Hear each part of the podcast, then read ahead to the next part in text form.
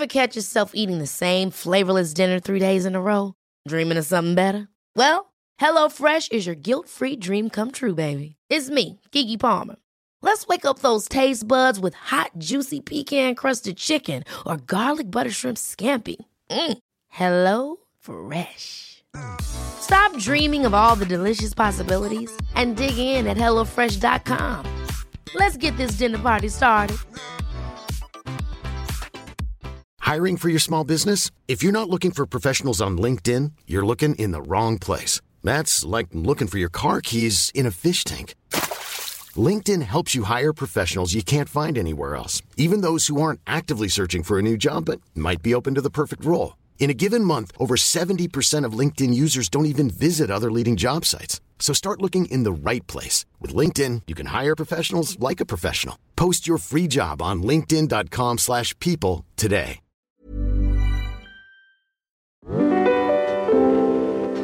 Er det ikke skørt, at vi gør så meget? Vi har mus-samtaler, touch-base-samtaler, alt muligt andet på arbejdet, men med vores partner derhjemme, mm-hmm. i forhold til at designe vores eget liv, mm-hmm. der gør vi ingenting.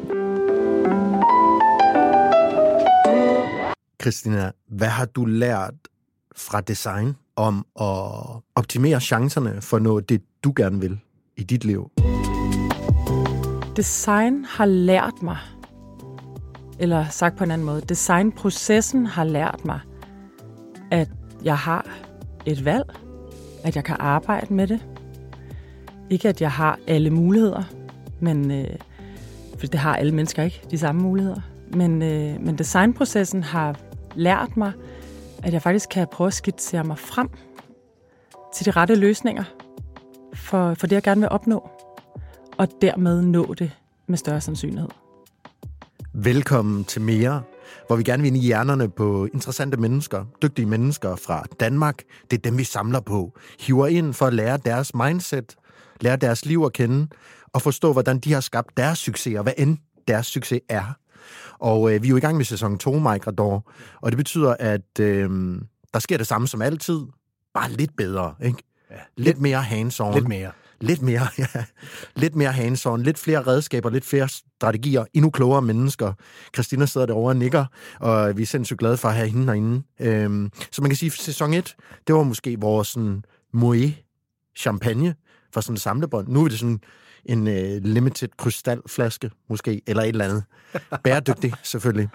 Christina Maj, du er brandspecialist, partner i designbyrået AM Copenhagen. Jeg kan godt sige designbyrå, ikke? Strategisk designbyrå. Ja, strategisk design og brandingbyrå. Strategisk design og brandingbyrå, hvor du øh, også er direktør og partner. Du øh, er keynote speaker. Du elsker at arbejde med strategi.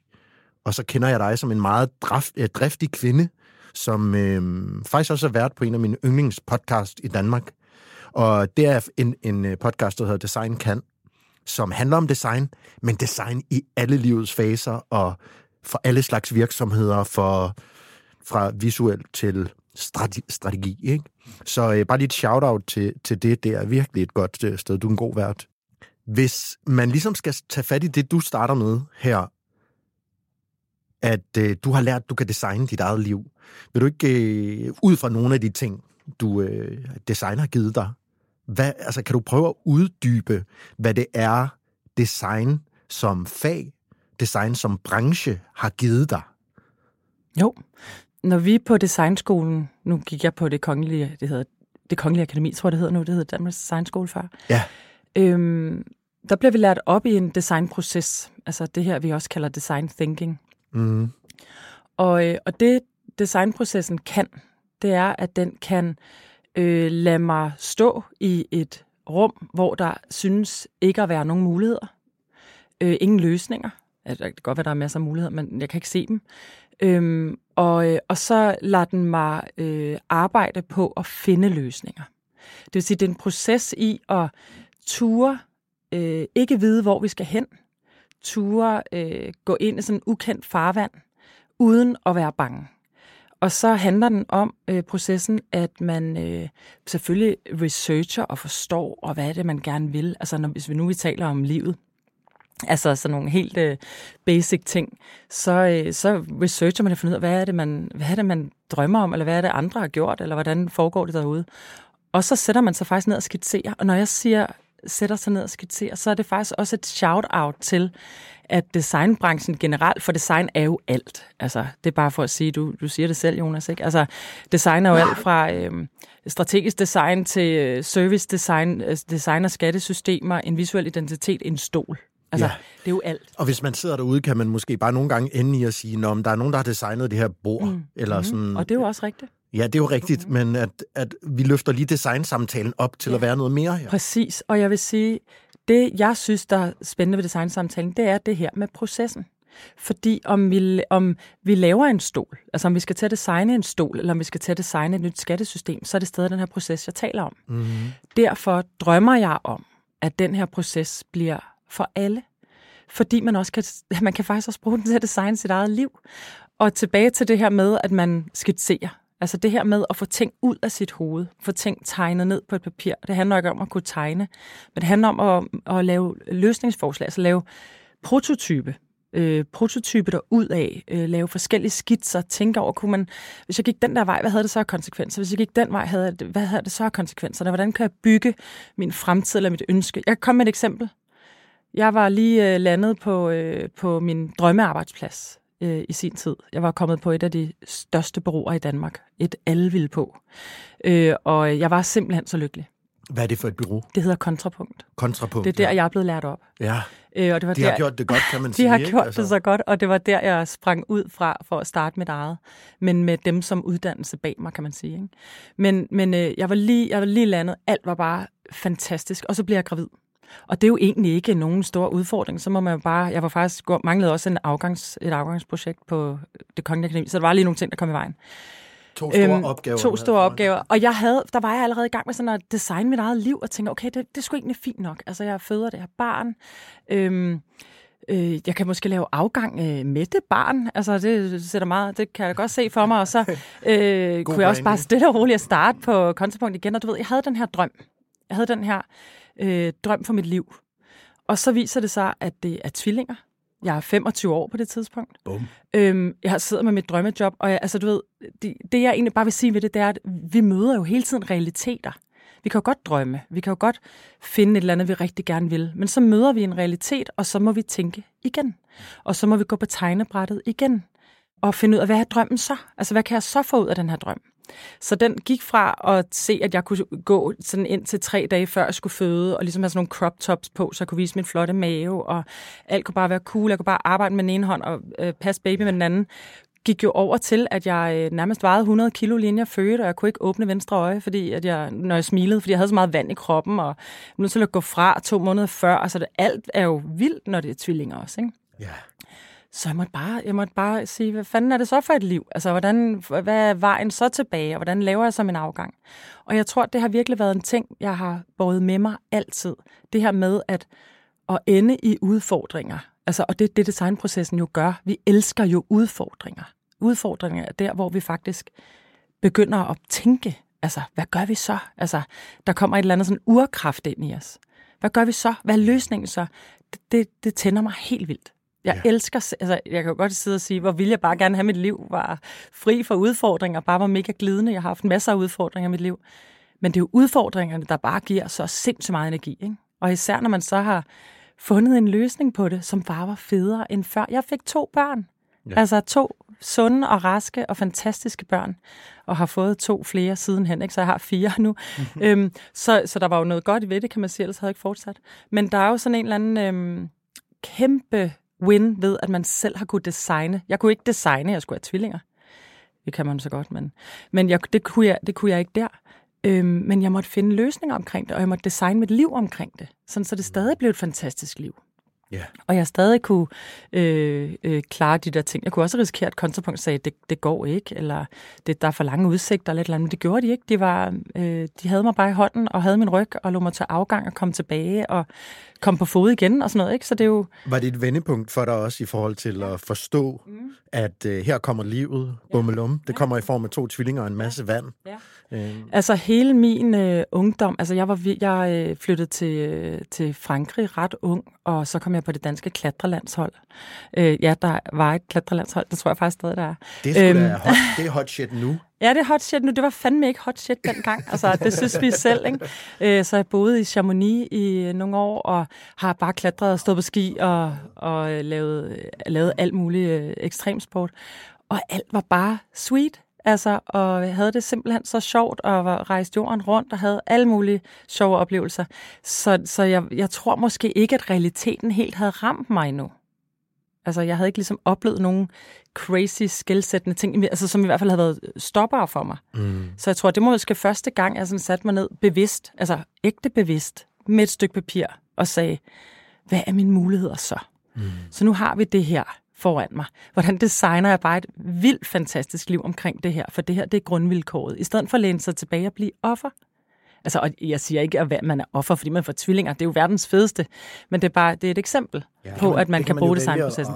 Præcis, Ja. præcis. Men det sjove er jo, at jeg ved ikke, om det er sjovt, jeg synes, det er interessant, at meget af det, altså Mike er jo øh, serieværksætter, han er mentor og har lavet rigtig mange virksomheder. Og noget af det, jeg hører dig også snakke om, Mike, det er det her med netop at så komme til et punkt, hvor man enten møder en udfordring, der er stor nok, mm. til at man bliver nødt til at være lidt mere intentionel mm.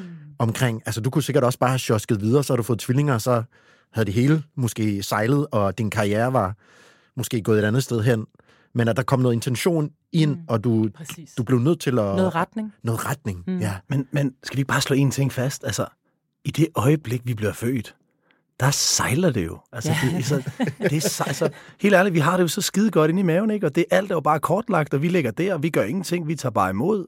Og så kommer vi ud, og så begynder det at sejle. Og jeg sammenligner lidt livet som sådan en, en, en vild, en, altså et skib derude på en, et stort åbent hav, mm. hvor du ved, man aner ikke, om vinden kommer fra venstre eller højre, eller, og, men det der med at tilpasse sig, mm. og det der med at tage bevidste valg, det, det sagde du også, altså øge, øge bevidstheden. Ja. Fordi altså, livet er jo et stort problem, ja, det er det jo. altså, som vi så kan vælge at face, Ja. eller, eller løbe lidt fra nogle gange. Ikke? Ja, og jeg tror, øhm, jeg, jeg synes, det, det er en virkelig interessant snak, og den er virkelig også farlig, fordi jeg, jeg, slet jeg synes ikke, den er farlig, så man ikke skal tale om den. Men der sidder jo, der vil jo være rigtig mange, der siger, vi talte også om det lige inden vi tændte lyden her, ikke? det der med, øhm, man kan bare vælge, så vælger man bare det gode liv, eller man må bare vælge at lave noget, der, hvor man er purpose-drevet. Man må bare lave det, man har lyst til, og man må bare... Og nej, det kan man jo ikke bare. Man har jo ikke alle valg. Vi er jo ikke alle sammen lige privilegerede. Vi kan ikke alle sammen det samme. Vi kan ikke bare beslutte os for det hele. Men vi kan beslutte os for de rammer, vi har, kan vi tage beslutninger indenfor. Mm. Og vi kan også tage beslutninger uden for dem. Jeg vil virkelig anbefale alle at tage beslutninger langt uden for dem. Og, og stile højere, eller stile bredere, eller dybere, eller et eller andet. Men selvfølgelig, altså vi skal også passe på, at vi ikke bliver privilegieblinde. Os tre, der lige sidder her og har ligesom klaret nogle ting. Det, vi kunne også have fået en øh, stor sten i hovedet og fået en hjernerystelse, så kunne vi ikke ligesom vælge, at nu skal vi bare designe et fedt liv. Altså så vi, det, det, med, det med respekt, jeg siger det. Jeg siger bare, at alle har muligheden for at gå til deres problemer på en anden måde, og de har en mulighed for at designe deres liv inden for de øh, øh, muligheder, de har. Og der er designprocessen fantastisk. For, fordi når man så har lavet de her prototyper, så skal man jo til at implementere dem. Og designprocessen er ikke linært. Altså den, man vender tilbage igen. Altså, så, så det kan godt være, at det ikke lykkes. Mm. Og så, så tester man igen. Altså, Op igen. mm, op igen. Mikey, jeg, jeg afbryder lige udsendelsen her med en øh, såkaldt øh, special announcement. Fordi sidder du derude og sælger, ja det ved jeg ikke, benskinner til papegøjer, eller øh, det kunne også være huer til hunden, en spritny futuristisk AI-plov, eller det kunne også bare være nogle helt almindelige produkter, helt almindelige ydelser, helt almindelige services, som øh, ambitiøse, målrettede mennesker skal kende til, så, øh, så er du altså kommet til det helt rette sted. Og ja, der tog jeg altså lige min øh, rigtig dyre speakerstemme på der, fordi fantastiske, dedikerede, gavmilde lyttere, dem har vi altså 8.000 af efter et halvt år i den her podcast. Og derfor vil jeg gerne spørge dig helt direkte. Vil du gerne reklamere i vores podcast? It's out there. We said it. Vi gad jo godt at have en partner, som øh, vi kunne tage ind under huden, og på en eller anden måde kunne øh, sige, det her det er sgu også relevant for vores lyttere. Og altså, 25-40-årige købestærke. I er fandme købestærk derude, er ikke det? Hvis nogen ringer og spørger og siger, hey, vi vil gerne annoncere i mere podcasten, er I købestærke, så skal I bare sige ja. Øhm, hvis I får en mail, hvor øh, I skal sende et kontonummer, eller der er nogen, der ringer på jeres dørklokke og spørger, om de må gætte jeres pindkode, så lad være. Og Jakob, som er min producer, øh, har sagt til mig, at de her samarbejdspartnere, vi gerne vil have hende annoncere i mere, de skal have et helt særligt tilbud, hvor de sparer 25 procent det er så de første tre partnere, vi får ind, som øh, slår til nu og siger, okay, podcast er i kraftig vækst, og øh, mere nærmer sig 10.000 unikke lyttere. Den skal vi lige med på, den raket der. Så øh, hvis det er noget for dig, så, øh, så grib knoglen. Send os en mail. Send for fanden en fax, hvis det er dit favorit sociale medie. Men i hvert fald, tag kontakt til os, hvis I synes, det her det kunne være et rigtig godt sted at annoncere. Så gør det nu. Send os en mail på mike www.dk. Det er der til at huske, ikke? Så er der ikke mere for mig. Tilbage til podcasten. Og vi kommer ned i et, øh, jeg vil kalde det måske et lidt mere metodisk afsnit på den måde, at vi skal snakke lidt mere om det her, hvordan man for eksempel kan tilgå det her. Hvad, hvad kan man gøre? Altså, øh, jeg vil bare først lige have med, øh, hvad du egentlig laver i dit arbejde til dagligt, Christina, fordi... Det spørger min far mig også altid. hvad fanden er det, du laver, altså? det kender jeg godt. Hvad var det nu, du lavede? Han var endda med til min afgang på designskolen. Jeg tror stadig, han er helt øh, chok. Hun, hun laver borer. Ja, ja, ja. det er borer, ikke det? Er borer. Designer. Altså, jeg, øh, jeg startede som øh, keramiker. For øh, mange, mange år siden, der ville jeg være keramiker og læste det i nogle år. Så øh, øh, gik jeg over og begyndte at læse rum og møbel Mm. Så lavede jeg industriel design, øh, tog afgang med en lampe, øh, og bagefter kom jeg ud på kontopunkt som grafiker. Altså, så, så det er bare for at sige, jeg har været på, jeg har lavet, og jeg har vundet priser med nogle møbler, jeg har lavet, og det har været, det har, det har været en vild rejse. Mm. Det jeg bare fundet ud af her, øh, jeg skulle til at sige ved rejsens ende, det var den mest nederen, man overhovedet kunne sige. øhm, det, jeg bare, det jeg bare fundet ud af, det er, jeg tænder egentlig ikke på formen jeg tænder på processen. Og det er ikke fordi, jeg, sådan, øh, det er ikke fordi, jeg har en eller anden fuldstændig, så gør vi sådan her, så gør vi sådan her. Altså, det er ikke fordi, jeg er rigid. Jeg tænder bare på designprocessen. Det vil sige, at jeg tænder på at løse problemer. Det er grundlæggende det, vi laver. Så om det er øh, en, en ny sofa, der skal passe i meget små hjem og skal produceres på en eller anden bæredygtig måde, eller om det er, at vi skal lave en visuel identitet til kraftens bekæmpelse, som skal gøre, at 47.000 frivillige kan tabe ind i den og bruge den, uden at det skal kræve, øh, at de forstår en hel masse omkring design. Det er stadig løsninger, det er stadig design, vi skal udvikle. Og man kan sige, jeg laver ikke længere møbler eller fysiske former. Jeg sidder øh, øh, og har mit eget øh, bureau, som vi talte om i starten, hvor at vi løser øh, udfordringer som øh, identiteter, rebrandings, positioneringer af virksomheder. Hvor skal de positionere sig som startups? Hvor skal de positionere sig i en turnaround? Øh, hvordan skal de se ud? Hvordan skal de kommunikere? Tone of voice, øh, yeah. kernefortællinger, websites, alt hvad der ligesom lægger af touchpoints omkring et brand. Så mm. hele brandstrategien og eksekvering af brandstrategien, det er det, vi sidder og laver. Og, og jeg er ikke designer længere. Det må jeg, jeg bliver nødt til at sige det hurtigt, for jeg ved, der sidder nogle af mine medarbejdere og tænker, hvad er det, hun snakker om? Jeg, jeg er brandstrateg, så ja. jeg sidder og laver de indledende øh, tanker, kan man sige, på, ja, sammen med designerne, for de er også super strategiske, men det der med at finde ud af, hvor er det, vi skal lægge det her? Hvor skal vi positionere det henne? Mm. Jeg fik jo lyst til at sige, at øh, jeg ser dig jo som et menneske-menneske. Jeg har mødt dig nogle gange før, øh, blandt andet gennem en, en mand, jeg arbejder sammen med, der hedder Anker Bak, der er en rigtig dygtig, dygtig møbeldesigner, møbelsnedker, som også er historiefortæller. Anker vil meget mere end at øh, ja, lave et bord eller en stol. Og øh, der er jo også noget i det her brand strategiarbejde, du arbejder med. Og forstå målgrupper, se mennesker, mm. tænke på følelser, helt mm. basalt set. Der er jo også noget psykologiarbejde i det. Ja, helt vildt. Jeg føler, og det er godt sagt, ikke det, jeg siger nu, det du lige sagde selvfølgelig. Ja. Øh, jeg føler lidt, at man er lidt en virksomhedspsykolog. Altså, øh, og jeg vil også sige, det her med at arbejde med branding, jeg har både siddet og lavet personlige brands, Altså sådan helt ned på en person, der skal brandes. Det er fuldstændig de samme værktøjer, som jeg bruger, når jeg øh, designer hele øh, brandet omkring Arne Jacobsen. Fuldstændig samme værktøjer. Fuldstændig samme proces. Og det handler ikke om at designe til brands, det handler om at designe til mennesker. Altså, vi arbejder sammen med mennesker. For mennesker. Vi gider heller ikke tale B til B og B til C længere. Det er BTP, det er people. Altså det, det er jo Jytte og Lars og Inger, der sidder i den anden ende, om de sidder på et øh, øh, BTB-organisation, eller om de sidder i en BTC. Altså det er jo simpelthen så primitiv en måde, vi taler om mennesker på nogle gange. De kasser findes ikke. Jeg kan virkelig godt lide det, du siger der med B2P. Mm. Altså det er skarpt. Business to people. Ja. Det er vel også en tendens, vi ser. Øh, vi sidder jo også i en virksomhed. Mike er mentor, vi laver en masse undervisning, programmer til folk. Mike har været i mange virksomheder før det her. Jeg har arbejdet med mange virksomheder, og den største fejl, jeg stadigvæk ser derude, det er, at man glemmer, at vi er så overvældet, så hvis man ikke på en eller anden måde kan nå ind til os, eller engagere os, så betyder det ikke så meget, hvad man siger. Altså sådan, business to people, ja, det kan jeg virkelig godt lide. Mm.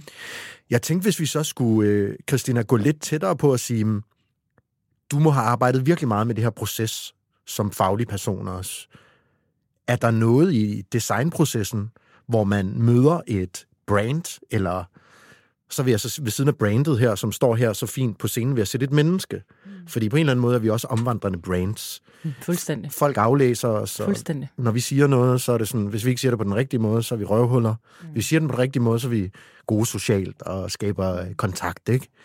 Er der, noget, man kan, er der noget, man kan tage med og ligesom smelte sammen omkring den her gode, gode proces, hvis man vil designe sit eget liv? Kan man, kan man, gå, kan man gå et step tættere på at tage noget fra design, verdenen mm. og over i vores eget liv? Altså, det er sjovt, fordi for nylig skulle jeg holde et stort øh, foredrag om mm. præcis det her til en masse designer, hvor jeg ligesom sagde, hey, vi, vi skal give den her proces fri. Alle burde lære den. Alle mennesker er skabt til at skabe. Vi glemmer det bare, så lader vi nogle andre gøre det. Og vi står over for kæmpe store udfordringer i verden. U- uendelig mange.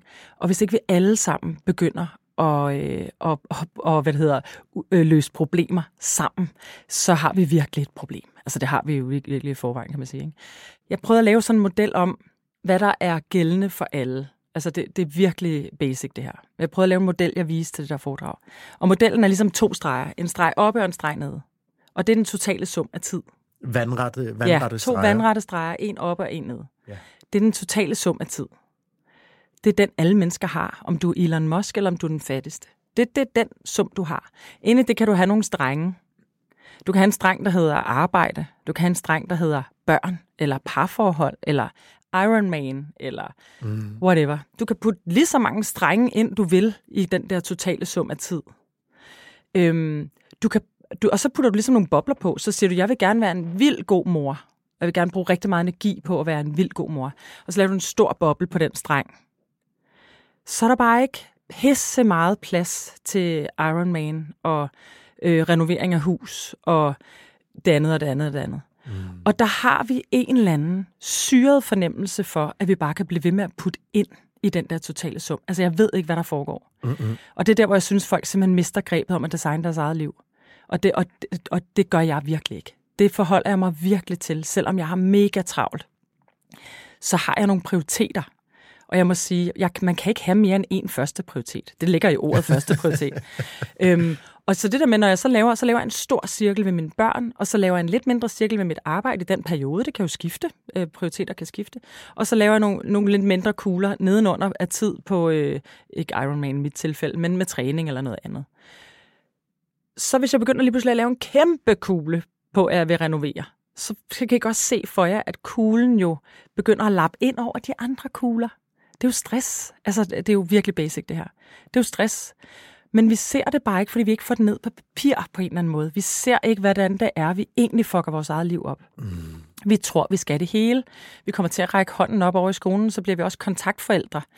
Øh, jeg kommer til at gøre det for et par uger siden, så der er nogen, der kommer til at sidde og grine. Situationen, øhm, hvor ingen rækker hånden op, og så sidder der en, så rækker jeg hånden op, en, en rar, travl kvinde derovre, der sådan kommer lige altså, nu siger, åh oh, oh, nej. Nu, nu, kommer der bare en skør idé. Det der, mm. det, det der, det er jo en software. Det, ja. der, det der, det er jo en software, hvor, hvor vi skal have lov til at lægge nogle ting ind, det ville da være så fedt. Jeg, har, altså, jeg har den, jeg skal vise den bagefter, jeg har tegnet den, og så jeg tegnet den, jeg har faktisk tegnet den, så den kan animeres. Jamen, det er jo en software. Jamen, så folk kan, fordi det er jo ikke alle sammen, der er lige så kreative. Altså, jeg er jo ikke særlig kreativ, men jeg kan godt se det, du siger. Ja. Men det er en software, det er et program. Men det den jo... laver vi sgu da bare. ja. Skal vi ikke gøre det? Jo. Vi har da masser af tid. Endnu en boble. Ja, der, det er en meget stor boble at lave sådan en mm. ny virksomhed, vil jeg bare sige, venner med en app og men otte vil, udviklere. Men jeg vil sige, at det jeg også puttede ind i den der, jeg kalder den The No Disappointment Model. Mm. Det er bare for at sige, det er måden, jeg har brandet den på indtil nu. Ikke? Fordi det der jo også er, det er, at du, så har du en stor boble et eller andet sted. Og så lige så sker der noget, så kommer der sådan en realitet, ligesom jeg blev gravid med tvillinger. Og det er ikke, fordi det nødvendigvis er forfærdeligt, men der kommer en udfordring. Så den lille boble, som har en anden farve, skal også ind. Og så skal du tænke dig om. Og så skal du reprioritere, eller du skal redesigne din drøm. Så det er, jo helt, det er jo en proces. Du kan ikke bare sætte dig ned. Jeg laver for eksempel også vision boards med alle mine børn og veninder og alt muligt andet, en gang om året. I januar måned, så hurtigt som muligt vi er kommet i gang, så sætter vi os ned, har et af fire stykker papir, jeg har endda købt... Øh, Mike og... viste lige sit vision board på ja, sin jeg er så fan. Jeg er så fan. Jeg sidder bare smiler herovre. Øhm, men hvad det hedder, jeg har faktisk købt, og det er der ingen, der må hæfte mig for, men eller, jeg har købt en lamineringsmaskine. Altså jeg troede, det var en helt anden type end mig, der ville have sådan en. Det er fordi, at når vi har lavet det her vision board, alle børn, voksne, tegner, og der, altså, der er venners børn, der kommer og laver det hos mig, for nu er det blevet sådan en ting. Så tegner vi, hvad vi gerne vil opnå i løbet af året. Vi vil gerne være, vi vil gerne være tætte på hinanden. Vi vil godt tænke os at, jeg vil godt tænke mig at få drukket noget hvidvin med min veninde. Jeg vil godt tænke mig at komme ud og rejse. Og jeg tegner hele måden. Altså, jeg har lyst til at vise jer dem bagefter, men jeg vil tegne dem, og det, man behøver ikke at tegne godt. Det er lige meget. Og jeg sidder og snakker om dem og drøfter, hvad, hvad vil du? Og så laminerer man den bagefter. Og så stiller man den et sted, hvor man ser den hver eneste dag. Min står inde i skabet. Hver gang jeg åbner mit skab, så står mit vision board der. Og jeg bliver bare nødt til at sige, at nu har jeg gjort det i syv år. Jeg har syv derhjemme. Hvert vision board er blevet opfyldt. Så kan det godt være, at der ikke var lige så mange øh, dollarsedler, som jeg havde øh, tegnet på, men jeg fungerer der stadig økonomisk og alt muligt andet. Men, og det kan også godt være, at, øh, at der var ting, der gik præcis som det skulle, men så var der en grund til det. Men det, at jeg har min bevidsthed hver evig eneste dag, når jeg kigger på det der, og tænker, nå ja, altså, og jeg behøver ikke engang at tænke. Altså, det ligger bare indbegrebet i, at jeg har en strategi. Det er også det, vi beder virksomhed om at gøre. Og det er tilbage til det med forskellen eller ligheden mellem at brande for en virksomhed eller en person. Det er det samme. Ja. Vi bliver nødt til at lægge en strategi, vi er nødt til at pege en retning, vi er nødt til at tro på noget. Det er jo, altså jeg har lige to indsigter her, fordi det første, det er i forhold til øh, Mike. Det er jo meget af det her, som du også prædiker, Mike, Ja, altså jeg sidder bare og smiler herovre i hjørnet, venner. Jeg er helt, jeg er helt stille og lytter. Alle, alle de her modeller, du har inde i mentorforløbet, handler meget om at skrive, internalisere ting, skrive ting ned. Præcis. Det, der er aha Vær intentionel. Vær intentionel. Mm. Det, der er aha-oplevelsen for mig ved at sidde med dig, Christina, det er, at der er jo nogle mennesker derude, der er så sindssygt visuelle. Mm. Og at det visuelle, det her med at få form, få et andet sprog på det, end bare skrive, mm. det kan noget helt andet også. Mm. Så jeg er visuel og kreativ den der, den vil gøre noget andet for mig, mm. end at mhm. sidde og skrive. Mm. Jamen, hvor, så, hvorfor, ikke gøre det, altså, hvorfor ikke gøre det hele? Jeg har en veninde, der gør det med, med fotografier. Hvert år, så, eller fotografi, det lyder virkelig gammelt, finder billeder. Mm. Øh, også billeder, hun har fundet på sin vej, som minder hende om noget. Og så laver hun det som et skrivebords, øh, altså som et dokument, hun lægger som skrivebord på sin computer. Ja. Så hver gang hun åbner den, så er hele hendes vision board der. Det er også en pissegod idé. Men det nytter ikke noget, man laver noget og gemmer det væk. Det er det samme med en strategi for en virksomhed, en brain-strategi. Man kan ikke bare lave den. Altså lave en uh, PowerPoint, det vil man ikke gøre, en PowerPoint på 250 sider, så lægger man den i skuffen og tænker, nu er vi alle sammen på samme side, så nu kører vi bare i samme retning. Mm. Det er noget, der skal genbesøges, videreudvikles, øhm, implementeres, øh, reflekteres, reflekteres, revurderes. revurderes og komme tilbage. Vi taler om i, i, hvor, i AM, som er mit bureau, der taler vi om det der med designprocessen er delt op i learn, play, make, move. Og når man til, når til move, der ryger man tilbage igen i play. Øh, altså, og i learn, og det, igen det der med, det er ikke en, det er ikke en lineær proces, det er en, det er en øhm, proces, der hele tiden, en itereret proces, der hele tiden udvikler sig. Og det gør det jo også med livet. Men hvis vi ikke gør noget, hvis vi bare læner os tilbage, hvis vi synes, fandme også bare tavle, det her sker for mig, nu har jeg igen mødt et røvhul af en chef, og det hele er bare noget lort, og, og læner sig tilbage, så tager livet en. Ja. Altså, hvis ikke man selv tager det, så tager den det. Altså, og det, det, det er bare der, hvor jeg siger, jeg har virkelig stået i nogle giga-udfordringer i mit liv. Jeg er virkelig øh, sikkert privilegeret på rigtig mange områder, men jeg har virkelig også stået med min færre share af lort, vil jeg sige. Og øhm, det her, det virker altså. Det, det minder mig om noget, så det, det, er jo en påmindelse om, hvor du gerne vil hen. Mm. Jeg plejer at sige til folk, at øh, prøv at høre, det, det, fordi de fleste mennesker sidder fast i hvordan. Right? Så, så, så bliver vi paralyseret. Det er meget normalt. Men det handler ikke om hvordan. Det handler om hvorhen og hvorfor. Og, og noget, jeg gør personligt, og jeg, min, øh, min familie har altid sagt det så ikke. Rolig nu, ikke? Men jeg har jo indtalt en lille tale til mig selv på fem minutter, mm. som jeg har på en mp3-fil, som er på min uh, telefon. Og der fortæller jeg, hvem jeg er. Ja. Jeg simpelthen definerer, Fedt. hvem jeg er. Fortæller, hvem jeg er. Og så har jeg nogle øvelser om morgenen, hvor jeg lige prioriterer min dag og kigger på mine mål, og altså, hvor jeg gerne vil hen. Og så lytter jeg til den, når jeg lige går de første fem minutter ud af døren, så bliver jeg mindet- om, ah, det er rigtigt, ja, det er ham, jeg skal være i dag. Det er den bedste udgave af mig selv. Det er ham, jeg skal være i dag. Det er jo et lydvision board. Ja, men det er en, det er en påmindelse om, hvad jeg har besluttet mig for. Og, og, og noget, der virkelig har, altså sådan en simpel trick, som har altså mange af de mennesker, jeg har hjulpet og arbejdet med, mange gange, så skal man også sørge for, der er jo forskellige niveauer af, mm. øh, hvor avanceret man vil gå ind i den her øh, personlige udviklingsproces. Ikke? Men et, en af de mest simple værktøjer, som jeg lytter også kan få her, det er at, at prøve at sætte sig ned øh, og forestille sig den bedste udgave af sig selv. Mm. Altså lige lukke øjnene på, bare forestille dig det. Og så sidder man lidt fast i starten. Og når man så prøv at tage en blyant frem, og så skriv det ned, fordi du bliver jo tvunget til at tænke billedligt, når du skriver. Ikke? Sådan er det jo. Okay, godt så. Så når du har fået den på plads, jamen, så prøv at se, find tre ord. Mm. Tre ord, der beskriver den udgave. Tre ord, der skal stå på din gravsten. Tre ord, der virkelig viser, det, det er den, du skal være. Det er den, du er. Og så bare have de tre ord foran dig hver dag. Ja. Altså, det, det, det er en påmindelse. Ja, fuldstændig. Og, og det er vildt så meget, det hjælper os. Jeg synes, det er sjovt, fordi når vi... Øhm, og det, jeg giver dig simpelthen så ret, fordi når, vi, når jeg sidder på arbejdet, både som leder af medarbejdere og øh, som, øh, som øh, strateg for virksomheder osv., så, videre, så har jeg jo sindssygt mange værktøjer. Altså, jeg har øh, value proposition, øh, jeg har mapping af alt muligt, jeg har brain platform, jeg har øh, conflict øh, resolution maps, jeg har, altså, whatever. Jeg har så mange værktøjer. Når jeg tager hjem, så er det det vilde vesten. Jeg har ikke, øh, altså nu gør jeg det mere og mere, ikke? men der findes ikke de samme værktøjer. Jo, medmindre man virkelig dykker ned i et eller andet sådan enorm øh, altså, øh, selvudvikling, og det er der mange, der måske har lidt svært ved. Og, men er det ikke skørt, at vi gør så meget? Vi har mus-samtaler, touch-base-samtaler, alt muligt andet på arbejdet, men med vores partner derhjemme, mm-hmm. i forhold til at designe vores eget liv, mm-hmm. Der gør vi ingenting. Altså, hvornår har I sidst forventningsafstand med jeres kærester? Ja. Hvad det er, I egentlig gerne vil? Ja. Hvad, I, hvad vil I egentlig gerne med livet? Altså, hvor vil I egentlig gerne være henne om 10 år? Det er jo ikke, fordi tingene skal blive kedelige og rigide. Og mus-samtaler Og også. m- seriøst mus-samtaler. Jamen, helt ærligt. Yeah. Familierådet. Mm. Hvorfor har vi ikke en ugenlig familieråd? Hvorfor har vi ikke lavet vores familieværdier? Hvorfor, øh, hvor, hvorfor har vi ikke talt om de her ting? Hvorfor har vi ikke sagt til vores børn, og det gør jeg virkelig, altså, hvad kan jeg gøre for at være en bedre mor for dig? Den Min- vigtigste virksomhed, vi har, Ja, det er vores familie. præcis. Det er et Jamen, team. Det, Ja. 100 procent. Øhm, og, og faktisk nu, mine store piger, de er 16 år nu, øh, mine øh, tvillinger, de kan faktisk godt svare på det. Jeg kan godt sætte mig ned og sige, hvad, hvad drømmer I om? Altså både for ugen, men hvad drømmer jeg også bare om, at jeg kan gøre bedre som mor? Altså, hvorfor ikke spørge dem? Ej, et fedt spørgsmål. Jamen, det er da et mega fedt spørgsmål, og så nogle gange kommer der nogle grinerens svar, ikke? Men, men ved du hvad, jeg får også rigtig gode svar, så kan du ikke prøve...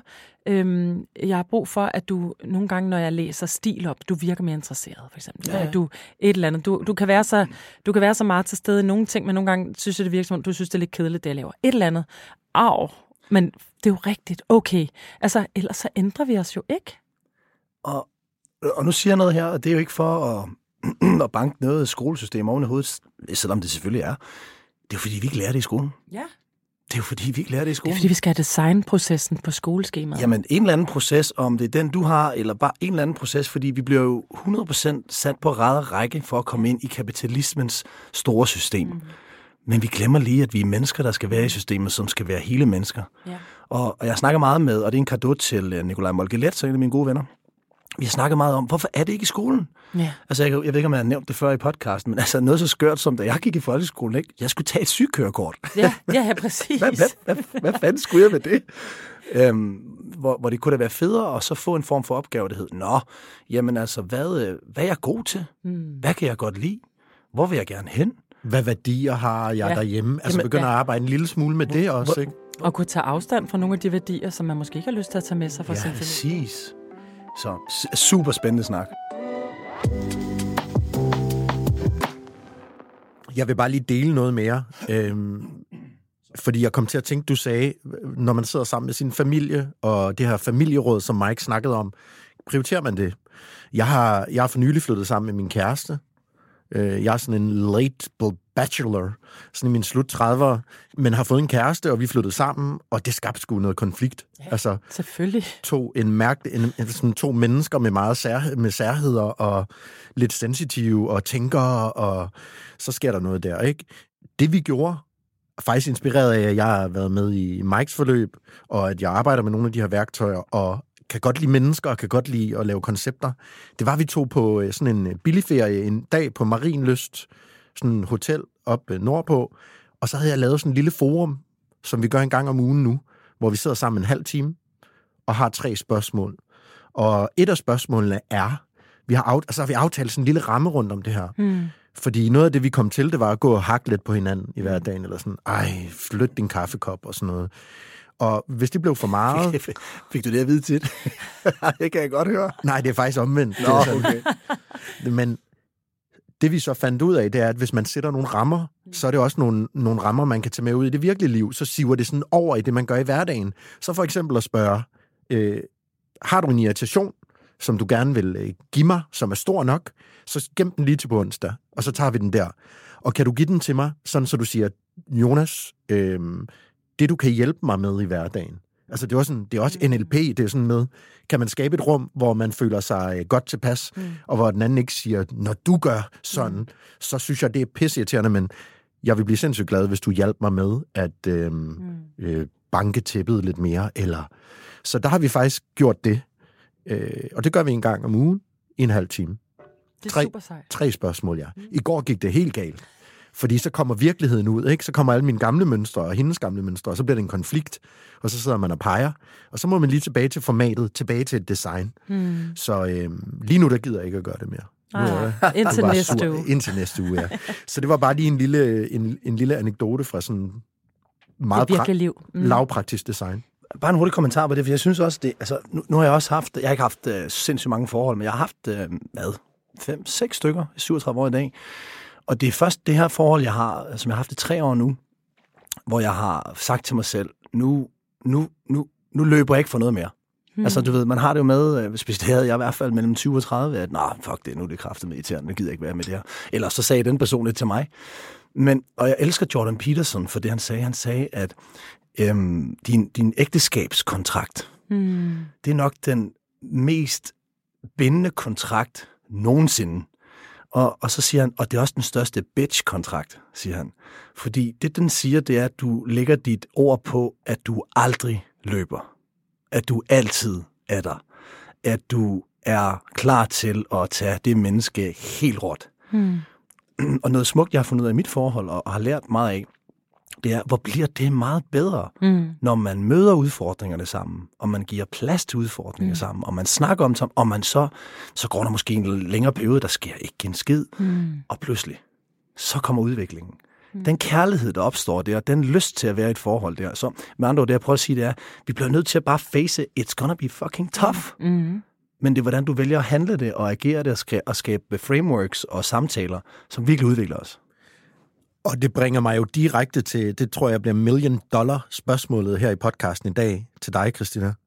Hvordan gør man så, når man har fire børn ja. og en meget øh, travl virksomhed? Man er social som dig. Jeg kan ikke forestille mig andet, end du har mange veninder og venner. Sådan, der er mange arenaer på spil. Altså, der er mange bobler på dit bord. Så nu er vi lidt ved forholdet. Det er jo også en stor boble. Familien. Altså, hvad gør du for at få det til at fungere? Altså, øh, det første, jeg har gjort, det er jo, at jeg har skabt en virksomhed, hvor der er plads til mig. Jeg, jeg vil ikke kunne drive et bureau, som var øh, 70 mand alene på samme måde. Jeg vil ikke, øh, og nu har jeg også nogle partner, øh, men jeg vil, ikke kunne, jeg vil ikke kunne være den mor, jeg er, hvis jeg havde et gigantisk bureau. Altså, så det er jo første, tanke, første ting, det er, hvad er succes for mig? Så at bygge noget, som er succes for mig, det er, at jeg har et arbejde, hvor at jeg har nogle medarbejdere, som er mega glade, nogle partnerskaber, jeg er stolt af. Vi laver præcis de projekter, vi synes er fantastiske, fordi vi får rykket ved nogle øh, agendaer. Men at jeg kan gå hjem og hente mine børn hver eneste dag. Altså, det er mig, der henter mine børn. Det er også mig, der afleverer mine børn øh, oftest. Jeg er, jeg er alene med, øh, med mine børn. Og hvad det hedder... Øh, det vil jeg ikke kunne bare, altså det, det kan godt være, at jeg kunne finde en arbejdsplads, der kunne det, men, øh, men jeg er jo nødt til at skabe en virkelighed omkring mig, som kan indeholde mine prioriteter. Mm. Hvis jeg bare sagde, nu skal jeg ud og være direktør i et eller andet andet selskab, og de havde nogle helt andre krav til mig, mm. så ville jeg jo gå kæmpe på kompromis med min første prioritet, og min første prioritet, det er mine børn. Ja. Og det vil det altid være. Og det er ikke noget med, at jeg ikke elsker det, jeg laver. Jeg elsker det helt ekstremt. Ja. Men, øh, men der kan bare, som vi snakkede om tidligere, kun være en første prioritet, og så elsker jeg mit arbejde, så jeg bruger masser af energi på det. Det handler om at gøre det bevidst. Mm. Og det handler om også, at jeg kan sagtens være fortravlet og komme til at lave for mange aftaler. Jeg er verdensmester i at lave for mange aftaler. Jeg er også verdensmester i at tænke, ej, jeg slår bare alle aftalerne sammen, fordi alle ville da synes, det var hyggeligt, at vi så bare bliver 10 veninder, i stedet for bare mig og hende, vi skulle mødes med. Altså, the more the merrier. Det er ikke altid tilfældet. Øhm, så jeg er også tidsoptimist mm. og alt muligt andet. Ikke? Men jeg tror, jeg tror min største øh, sådan styrke, eller hvad man skal sige, det er, at øh, jeg er ret god til at være til stede lige nu. Altså hvis der var én ting, jeg ville give videre, ligesom du, Mike, havde et rigtig godt råd også. Hvis der var én ting, jeg ville give videre, så var det at øve sig i faktisk bare at være til stede lige nu øhm, og være nærværende. Hvordan gør du og, det? Jamen, det, det, jeg ved ikke, om det bare ligger til mig. Jeg er ret god til faktisk bare at være til stede. Jeg er faktisk, når jeg sidder lige nu og snakker med jer, så, så har jeg ingen bekymringer. Altså, jeg kan godt finde dem frem, men, men jeg sidder ikke, min hjerne går ikke på, valg, øh, på, øh, på øh, afveje og alt muligt andet. Jeg, jeg sidder og lytter på jer og synes, den her samtale er super interessant. Og lige så snart kommer ud af døren, så åbner jeg telefonen, og så er jeg bare sådan, fuck, okay, det havde jeg lige glemt, eller det skulle jeg lige. Så tit, så kommer jeg også til at, at trække et møde for langt. Jeg er på ingen måde øh, perfekt. Altså, jeg er faktisk virkelig dårlig til tid, men det er, fordi jeg er så god til at være i den. Øhm, så man må bare se sine fordele og sine ulemper, og så designe sig rundt omkring det. Og ikke tro, at alle kan ryge ned i samme kasse. Og nej, så kommer jeg nok ikke til alle forældremøder altid. Og nej, jeg kommer nok ikke øh, til alt, hvad jeg burde gøre. Jeg, burde, jeg kommer måske ikke til alle de sociale events, jeg skal. Og jeg bliver nødt til at sortere fra. Det gør jeg, fordi jeg bliver nødt til at have aftener sammen med mine unger. Og øhm, jeg kan ikke sige ja til det hele. Men så siger jeg ja til det, jeg virkelig gerne vil sige ja til. Og så øh, må den der FOMO på en eller anden måde øh, blive lagt væk, ikke? Du, du sagde noget som... Øh, øh, jeg, ved ikke, om det er, for, det er nok, fordi man bliver ældre, så bliver man mere filosofisk. Det mm. tror jeg. Um, men da du sagde, når jeg, gik, når jeg går ud af døren og kigger min telefon, så bum. Mm. Alright? Og øh, jeg lå på en strand for et lille års tid siden. Jeg bor nede i Sydspanien. Og øh, så lå jeg bare og lyttede for mm. første gang i lang tid. Ja, det er dejligt. Og jeg lå bare og lyttede på havbruset, og jeg lå og lyttede, så var der lidt lounge-musik, så var der lidt samtale, men jeg gik ikke ind i dem. Nej, præcis. Okay? Så jeg lå bare observeret, så det er den her med at være til stede. Du mediterede, Mike. Det gjorde jeg. Mm. Og øhm, så øhm, poppede der en tanke op i hovedet på mig. Jeg begyndte at læse Bibelen om aftenen. Mm. Øhm, jeg falder så godt i søvn til den. øhm, men men, jeg, men den, den sætter sig i mig. Hvorfor? Hvor, hvorfor? Altså, hvorfor læser du Bibelen? Det vil jeg gerne vil lære. Øh, mm. Nok en af verdens øh, største og første... Selvudvikling. Ja. ja. ja. Jeg vil gerne se, hvordan jeg kan se, om jeg kan drage nogle paralleller. Mm. Blive lidt klogere. Og, og, og, og noget, jeg læste i den, som der kom frem i mig, da jeg lå og lyttede der, det var, at for at blive født på ny, så skal vi huske at eller så skal vi blive børn igen. Mm. Og så tænkte jeg, det var præcis det, jeg laver nu på den strand her, det gjorde jeg, da jeg var barn, for jeg var ikke i stand til at gå ind i samtaler. Jeg var kun til stede. Så den bank, den fangede jeg.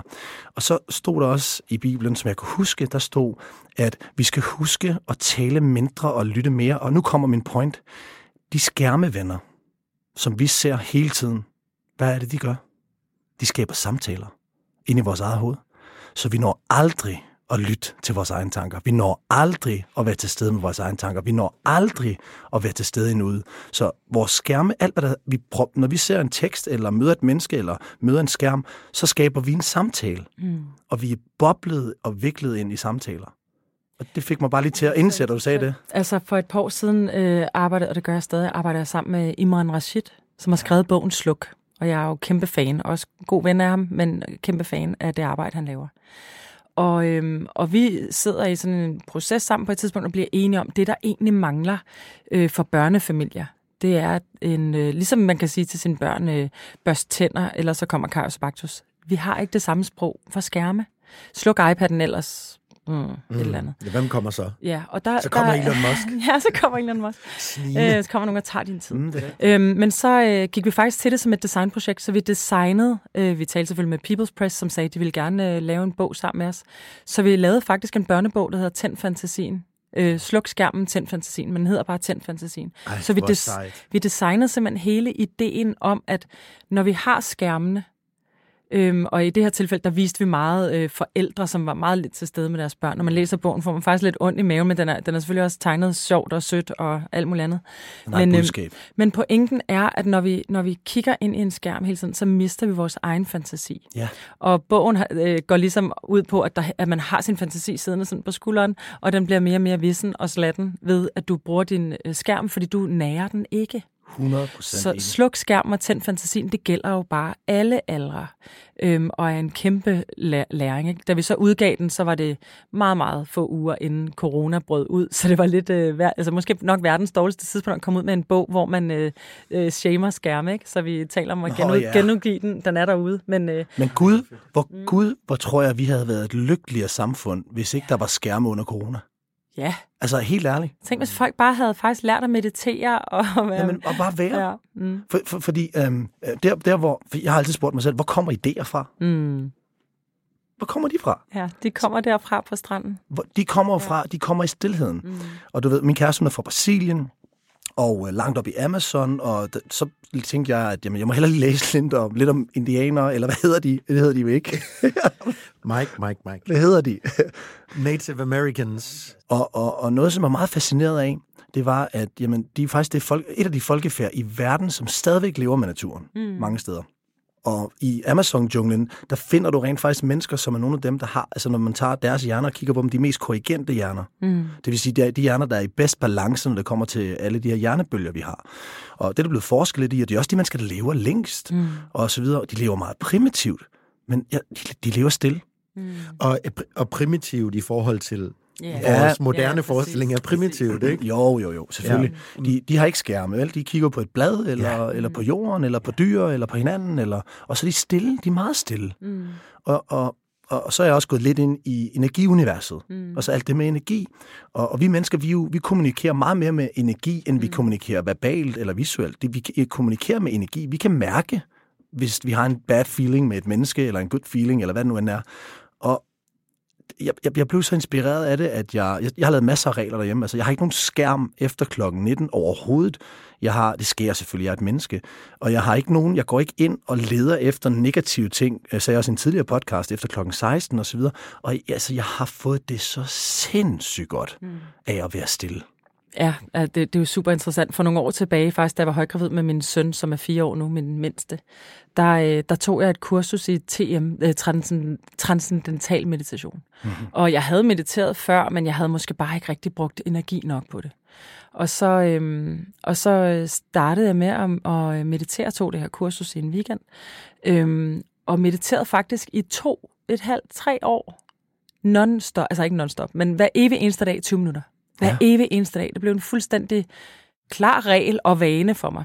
Så skete der en, øh, en kæmpe traumatisk ting i mit liv, og af en eller anden årsag, det var faktisk der, jeg skulle have mediteret allermest, så stoppede jeg det, fordi der lige pludselig havde jeg faktisk ikke overskud til det. Hvilket er virkelig sindssygt at tænke på. Fordi det meditation, eller det at være stille med sig selv, det med at se skoven udefra, og ikke stå blandt alle de der træer, og ikke rigtig kunne finde rundt, men at se den udenfra. Altså, at det, aldrig har jeg fået bedre idéer, aldrig har jeg øh, kunne se ting mere klart, end da jeg virkelig mediterede. Og og hvorfor er det så så svært at starte igen så meget? Altså, øh, der er jo sådan noget med tid, og de bobler der og sådan noget, ikke? Men, men det vir- igen, det er virkelig også bare at sige, det giver sindssygt meget, hvis man tør være stille. Jeg bruger det, kan ikke gøre det lige så meget lige nu, men bruger det stadig rigtig meget, og kan også finde en eller anden kapacitet inde i mig selv, jeg måske heller ikke havde adgang til før. Jamen præcis, og kan I huske, jeg ved ikke, om I har været på sommerhusferier, mm. da vi var børn. Vi, vi havde det med at tage til Vesterhavet. Var vi nogensinde det, Jonas, sammen til Vesterhavet? Det var vi ikke. Jo, og på vores, øh, vi var nede i min forældres sommerhus på Langeland. Det er rigtigt. Der har jeg sådan et billede af dig øh, og mig i klitterne. I, Ja. I bare røv. Ja, Begge to. og vi, vi lå om aftenen og fortalte uh, gyserhistorier, indtil vi blev så bange, at vi løb ud. Men ikke desto mindre. Øhm, noget, som jeg virkelig ikke husker fra den gang, øhm, det var, at vi, vi var øh, to familier samlet. Og nogle gange, så kunne vi bare sidde, så mange mennesker, helt stille. Mm. Og, og det var nogle af de bedste tider, jeg har haft. Det var, vi sad, og vi alle sammen var, var, var fyldt med kærlighed, der var fyldt med tryghed, og vi var bare stille. Mm. Og, og du ved, og vi lå, så kunne man høre, um, jeg får sådan for mig, så kunne man høre sådan græsmarken, eller de der øh, klitplanter, eller hvad det end er. øh, og man kunne høre vinden blæste og sådan noget. Og så stillhed for mig, har også, også noget, jeg dyrker i, i mine coaching-teknikker, det, det er virkelig en nøgle til at få ro. Ja. Stilhed. Og der er folk, der aldrig har stillhed. Altså, der er rigtig, rigtig mange mennesker, der aldrig har stillhed. Ja. Altså, som heller aldrig ikke laver noget. Altså, når man mm. kigger på... Jamen, det er jo faktisk helt ekstremt nu, hvis jeg har haft mine unger med til en eller anden øh, til dans, eller hvis jeg har været ude og opleve et eller andet. Det er jo ligesom, hvis, der, hvis folk har et sekund til en reception, hvor de ikke lige ved, hvor de skal kigge hen, eller hvad de skal gøre, så er det frem med telefonen. Altså den der med, bare det der med at stå og opleve et rum. Altså øh, folk, der sidder på en café og venter på en, der skal komme, sidder altid med en telefon. Altså Jamen, det, er det der med at komme tilbage, jamen, jeg- det tror jeg engang, det er. Jeg tror, det er blevet en eller anden... Det er jo en afhængighed. Og et skjold, tror jeg Og et også. skjold også, men det er også en Jeg afhængighed. er her ikke alene. Ja, Bare- ja, det altså, jeg jeg, er- masser af Der venner. kommer en lige om lidt. Øhm, men, og så er det også bare det der med, fordi vi kan. Mm. Fordi vi har muligheden, og derfor skal der regler til. 100%. Altså, og det er, jo det, det er jo det samme med alt muligt andet. Jeg er virkelig tilhænger af, at der bliver lavet nogle regler. Øh, ikke fordi vi skal blive fuldstændig sådan regel, øh, øh, presset af regler på alle fronter, men, men det, der bliver simpelthen nødt til at være nogen omkring tingene. Og som øh, voksen har vi jo den øh, fordel, at vi kan lave regler for os selv. Mm. Og hvis vi så kan øve os i at, at følge dem, ikke? Det kan være lidt sværere for børn, øhm, Ja. ja. der er lidt mere impulsive, eller Der skal vi hjælpe dem. der skal vi hjælpe dem. Jamen, så, og så er det også, altså det, det der er det, vi, altså vi ved jo ikke, vi ikke ved det. Altså det er jo det, der er problemet mange gange. Vi ved jo ikke, vi ikke ved det. Jeg, har, jeg kender mange par, som har og børn, og jeg har været til middag hos, og, og, og, så, og så de første, de gør, når vi voksne skal spise middag, det er at give børnene en iPad, så holder de deres er kæft. Hvor jeg sidder og tænker, wow, Ja, det er helt vildt. wow. Kan I huske, da I var børn og var med til jeres forældres fester og sådan Det noget, det og I bare lå nede under gulvet og hørte folk bare feste, ja. eller I løb rundt med alle de andre unger og byggede huler, ja. eller... Altså, når kan du noget. kommer til konfirmation nu, så vil jeg sige, ofte er det mine børn, der er de eneste, der ikke har en skærm. Mm. Øh, og så øh, ved de faktisk ikke rigtig, hvem de skal lege med, fordi folk er bare placeret, eller børn er bare placeret rundt omkring med hver deres, øh, Altså, hver deres babysitter, ikke? Vi skal til at øh, ramme slutningen af det her program. ej, det gik lige så godt. kedeligt. Og her øh, vil jeg bare lige sige, inden vi går til den sidste ting, fordi jeg øver mig stadigvæk i at designe det her program. Ja, jeg synes, det går rigtig godt. og du er sød. Og holde mig til, til min blogge. Men der kommer en blog lige om lidt, hvor jeg faktisk gerne vil lige vil stille dig nogle lidt hurtige spørgsmål. Ja, fedt. Og den skulle have ligget lidt tidligere, men øh, ja, Vi havde en god snak. vi havde en god Jeg håber, snak. jeg håber, I nød den. Ja, det var virkelig en god Det snak. var ikke mig, du mente mig. Jo, også dig. Og, men først vil jeg bare lige sige, at noget af det, jeg lagde mærke til, det var, at du også sagde, den her fejlbarlighed.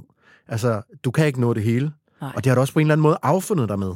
Så at din superkraft, hvis jeg må kalde den det, det er også at være til stede. Det er at være et menneske. Det er at være nærværende. Og så giver du bare rigtig meget, når du er her, og blandt dine venner og med dine børn. Og øhm, så har du måske også accepteret lidt, at så kan du heller ikke give alt hele tiden Nej. over det hele. Og jeg kommer til at skuffe. Ja. Altså, det, det er bare sådan. Nogle gange laver jeg sådan en øh, fælles besked ud til, til nogle venner eller et eller andet. Men undskyld, jeg har været fraværende en periode eller et eller andet. Men hvis de havde mødt mig, så havde jeg virkelig været på. Ja. Og jeg elsker jer. Altså, man, kan, man kan ikke det hele. Nej. Og det er også okay. Og det er også okay.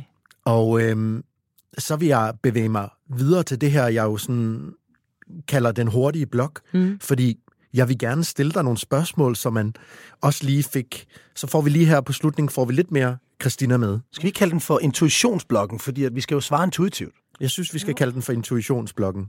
Og jeg har nemlig en anden metode, der hedder en intuitiv tilfældighedsmetode.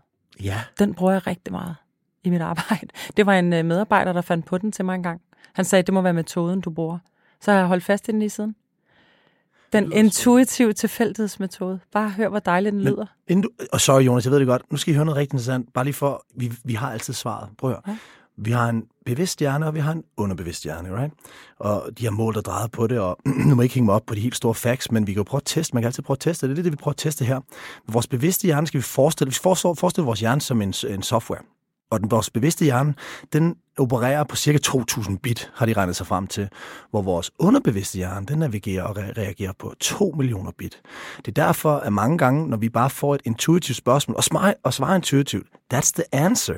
Fordi, Åh oh, nej, nu bliver jeg helt bange for den her øvelse. nej, nej, nej, det skal det ikke. Men det, That's the answer. men det er derfor, når man står over for en stor beslutning og så videre, så skal man ikke overtænke det, for så ryger det op i 2.000 bit versus 2 millioner bit. Så det er derfor, jeg godt kan lide, den skal hedde intuitionsblokken. Jamen, ved du hvad, så kalder vi den øh, intuitionsblokken. Jeg, har, kal- jeg vil jo have kaldt den hurtig sex, fordi det var seks spørgsmål. Nå, Men det- det er også sådan lidt mere, det er sådan en stand-up podcast, der kalder det. Vi er lidt mere seriøse. Det her med, jeg kan meget bedre lide dit bud, Mike.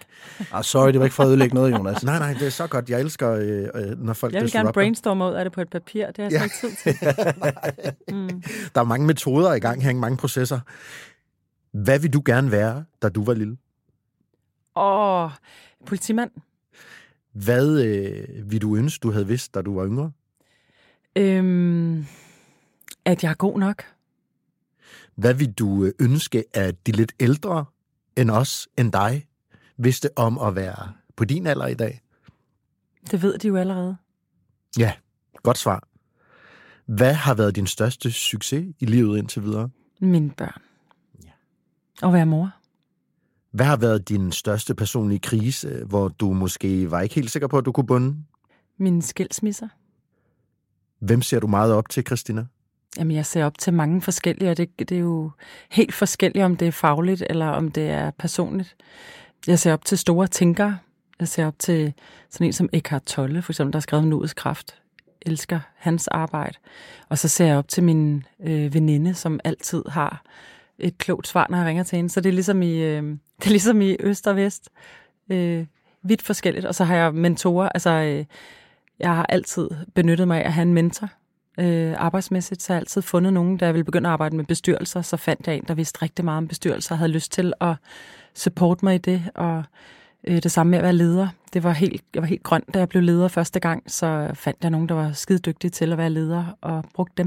Mm. Så det der med faktisk at ikke at se op til, jeg synes, det er et lidt øh, irriterende ord, men, mm. men at benytte af, at folk har gået mange skridt før, og mm. lære af det, altså, det elsker jeg. Mm. Og giver også meget gerne igen den anden vej. Fantastisk. Hvad glæder du dig øh, mest til i livet lige nu? Jamen, jeg glæder mig bare over de relationer, jeg har i mit liv. Altså, vores liv drejer sig om relationer. Om det er familie, eller kærlighed, eller øh, om det er øh, arbejdsrelationer, eller øh, nye spændende kunder, jeg kommer til at arbejde for, ting, jeg kommer til at ændre, øh, store agendaer, jeg kan rykke ved, osv. Altså, jeg, faktisk så er jeg bare ekstrem øh, begejstret for rigtig mange ting. Altså, jeg synes, øh, livet ligger bare for fødderne af mig, og det er faktisk bare en følelse, jeg altid har haft. Men det gør det jo stadig. Jeg ved ikke, hvor lang tid jeg har, men jeg skal satme nok øh, presse alt ud af det, jeg overhovedet kan. To tilbage. Mm. Hvad lavede du, øh, før du kom her i studiet? Jeg passede min syge søn. Altså, så jeg arbejdede hjemmefra. Jeg prøvede faktisk at multitaske. Det gik øh, forholdsvis dårligt, vil jeg sige. Jeg prøvede at brief en designer på en opgave, samtidig med, at min søn ville vise mig noget Lego. Ja. Så øhm, ja, det var måske ikke så særlig nærværende, men det lykkedes. Og den sidste, hvis man skulle lave den her design t-shirt, hvor du havde dit eget print, sådan navnet på den, og du skulle øh, sætte, skrive et citat. Altså, mm. som, du skal ikke tænke det som cringe, du skal tænke det som, I wanna own this t-shirt. Hvad skulle der stå? Ej, det, det er virkelig et godt spørgsmål. Det gad virkelig godt at svare rigtig godt på. Øhm, åh, øh, jeg tror, der skulle stå øh, øh, design kan. Fantastisk. Jeg vil lade det være de sidste ord i dagens podcast. Design kan. Design kan nemlig Ja. ja. ret meget. Det synes jeg også rammer det rigtig godt ind. Christina, tusind tak, fordi du kom i studiet. Det har været en kæmpe fornøjelse. Og øh, ja, bare rart. Følt, øh, følt, at vi har haft, øh, vi har hygget os. Ja, Og en det afslappet- vigtigste. virkelig god snak og gode... Øhm, øhm, så, sådan nogle fantastiske emner, som kom helt spontant, så tusind, tusind tak for det. Ja. Det var en fornøjelse. Jeg vil sige tak til lytterne derude, der er mere podcasten også, som altid lytter med. Jeg skal hjem og lave den her øh, vandrette designmodel og tegne mine bobler, grafisk og visuel, som jeg er. Så det er i hvert fald øh, en kæmpe inspiration. Og så skal jeg ind og kigge på jeres hjemmeside, fordi de her fire faser, Mm. Øh, Det er beskrevet derinde. ja, hvor man ligesom måske kan få lidt inspiration til, hvordan man også selv går igennem en proces. Fuldstændig. Og ellers så skriv til mig. Learn, play, make, move. Learn, play, make, move. Ja. Mike Ador, Yes. skal vi sige farvel til lytterne? Ja, kan I have det rigtig godt, og have det rigtig dejligt, venner. Og øh, tusind tak, fordi at du gad at komme i studiet, Christine. Tak.